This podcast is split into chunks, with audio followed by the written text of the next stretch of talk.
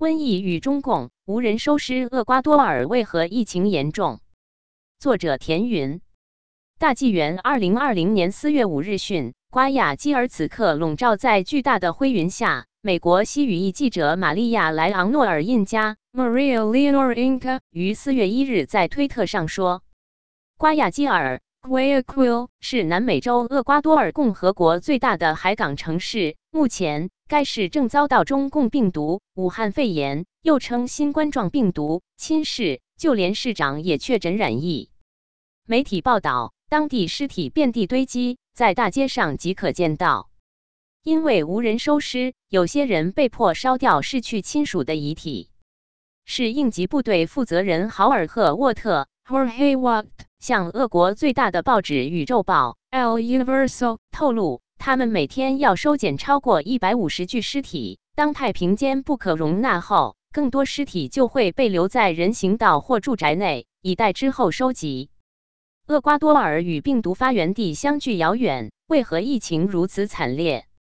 大纪元特稿指出，病毒针对共产党而来，它循着与中共关系密切的国家、城市、组织和个人一路蔓延。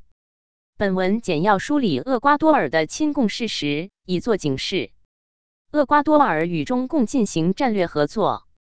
一九八零年一月，中共与厄瓜多尔建交。一九九七年，中俄建立政治磋商制度，迄今已举行七十八次政治磋商。二零零七年十一月八日，厄瓜多尔埃尔奥罗省与中国湖北省正式建立友好省关系。二零一零年十二月，中国石油大学同厄瓜多尔圣弗朗西斯科大学合作设立的孔子学院揭牌运营。二零一五年一月。前任厄瓜多尔总统拉斐尔·科雷亚·德尔加多访华，中俄建立战略伙伴关系。二零一六年十一月，两国关系提升为全面战略伙伴关系。二零一六年八月起，厄瓜多尔对中国公民实行免签证待遇，为南美洲首例。二零一八年十二月十二日。厄瓜多尔总统莱宁·莫雷诺·加尔塞斯访问中国，与中共签署了共建“一带一路”合作谅解备忘录。两国并发布联合新闻公报，称将扩大两国政府部门、立法机关、政党、地方等各层级交往。双方一致同意继续落实好油气、矿业、基础设施、金融等领域现有重大合作项目，不断扩大农业、新能源、航空、电信。空间技术等领域合作。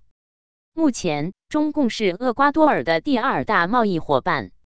中俄还签署了关于共同推进丝绸之路经济带和二十一世纪海上丝绸之路建设的谅解备忘录。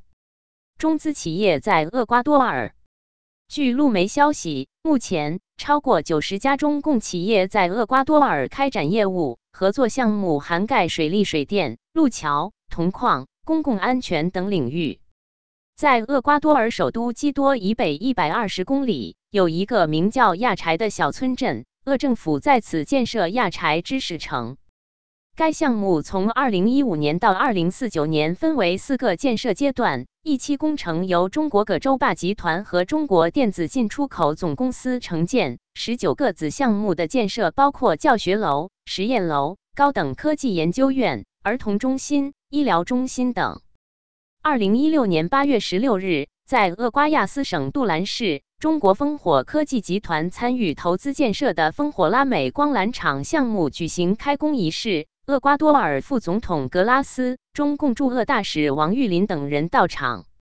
这是中共在拉美规模最大的光缆厂，也是中共 IT 行业在厄首个高技术实体产业合资项目。预计总投资在一千五百万至两千万美元。烽火科技集团占百分之五十一股份，本地合资方 Telconet 公司占百分之四十九股份。二零一九年七月十八日，在首都基多，厄瓜多尔电信部、当地电信运营商 CNT 与华为公司举办了五 G 实验局首发活动。厄总统莫雷诺在现场表示，对该国五 G 未来表示期待。中共驻厄瓜多尔使馆临时代办王新明称，厄政府和主要电信运营商选择与华为合作，表明厄瓜多尔对华为产品和技术充满信心。屈从中共取消神韵演出。二零一五年五月，享誉全球的神韵艺术团计划在厄瓜多尔首都演出舞剧《美猴王》，但是在开演前一周，演出承办方厄瓜多尔文化中心在中共使馆施压下取消了神韵在基多国家大剧院的演出。部分观众在演出当日抵达剧院，谴责中共侵犯厄瓜多尔人民的自由。神韵主办方代表 Alejandro Na 表示。中共大使馆向厄瓜多尔政府施压长达一个月，这是神韵演出最后一刻突然被取消的原因。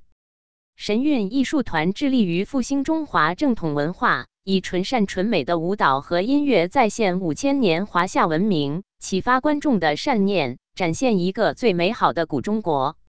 然而，宣扬无神论的中共当局却一直不遗余力地干扰和破坏神韵世界巡回演出。阻挠海外观众观赏神韵。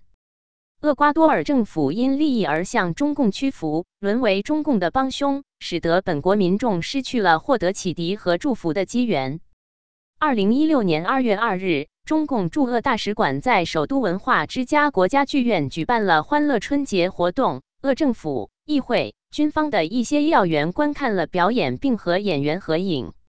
二零二零年一月二十日晚。当中共病毒悄然蔓延时，中共大使馆在厄瓜多尔首都举办了庆祝中俄建交四十周年暨二零二零欢乐春节。厄司法法院院长、总检察长、总监察长、国会第二副主席、总统府办公厅秘书长、文化部长辈、国防部长、教育部长等多名俄国政要前去为中共捧场。中共建三峡新克雷水电站令厄瓜多尔陷危机。科卡科多新克雷 （Coca-Cola Sinclair） 水电站距首都基多一百三十公里，是中共在鄂实施“一带一路”的重大项目，也是厄瓜多尔有史以来最大的水电站，被称作当地的三峡。该项目由中国进出口银行向鄂贷款十六点八亿美元，中国电力建设集团承建，二零一六年十一月竣工。中共贷款的前提是。中方公司承建该电站，这样就把竞争排除在外，工程超支、技术漏洞、腐败等问题随之而来。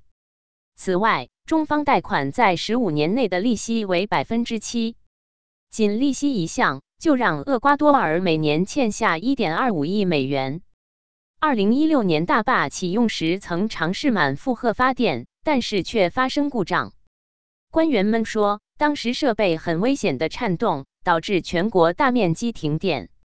二零一八年底，美国媒体披露了新克雷电站的多方面问题。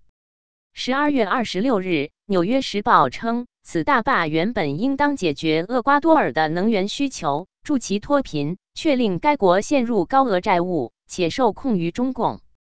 报道还提到，几乎每个涉及此大坝建设的厄瓜多尔官员都遭县政府监禁或因贿赂指控被判刑。包括一名前副总统、一名前电力部部长，还有一名监督该项目的反腐官员。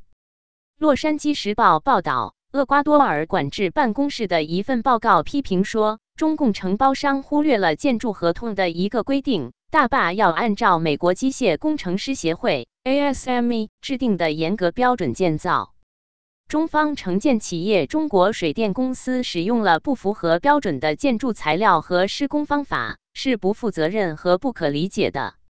前能源部长桑托斯说：“中国人使用劣质钢材，并解雇那些建议改变材料的监察员。”但是，中共官方避而不谈工程的安全漏洞及大坝背后的腐败现象，一直高调宣扬新克雷电站的成功。称其是中国企业走出去的标志性工程。二零一六年厄瓜多尔大地震。二零一六年四月十三日，新克雷水电站首批四台机组举行发电仪式。三天后，四月十六日，厄瓜多尔遭到里氏七点八级地震的破坏，六百多人死亡，超过八千人受伤。厄瓜多尔西部多个城镇建筑物倒塌，道路被损毁，部分地区停电。瓜亚基尔市的一座立交桥倒塌，曼塔机场控制台受损，全国进入紧急状态。这是厄瓜多尔近七十年来人员伤亡最严重的一次地震，直接经济损失为二十亿至三十亿美元。有评论人士指出，此乃天灾示警。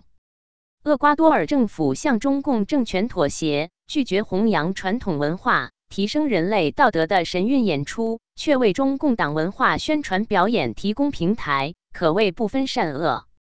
结语。厄瓜多尔拥抱中共的一带一路计划，将本国的资源和长远利益交付中共掌中。如今，中共病毒侵袭，重创俄国民众健康和国家经济。厄瓜多尔政府应当反思，多年来他与中共交好，给国家和民族带来了什么？责任编辑：高毅。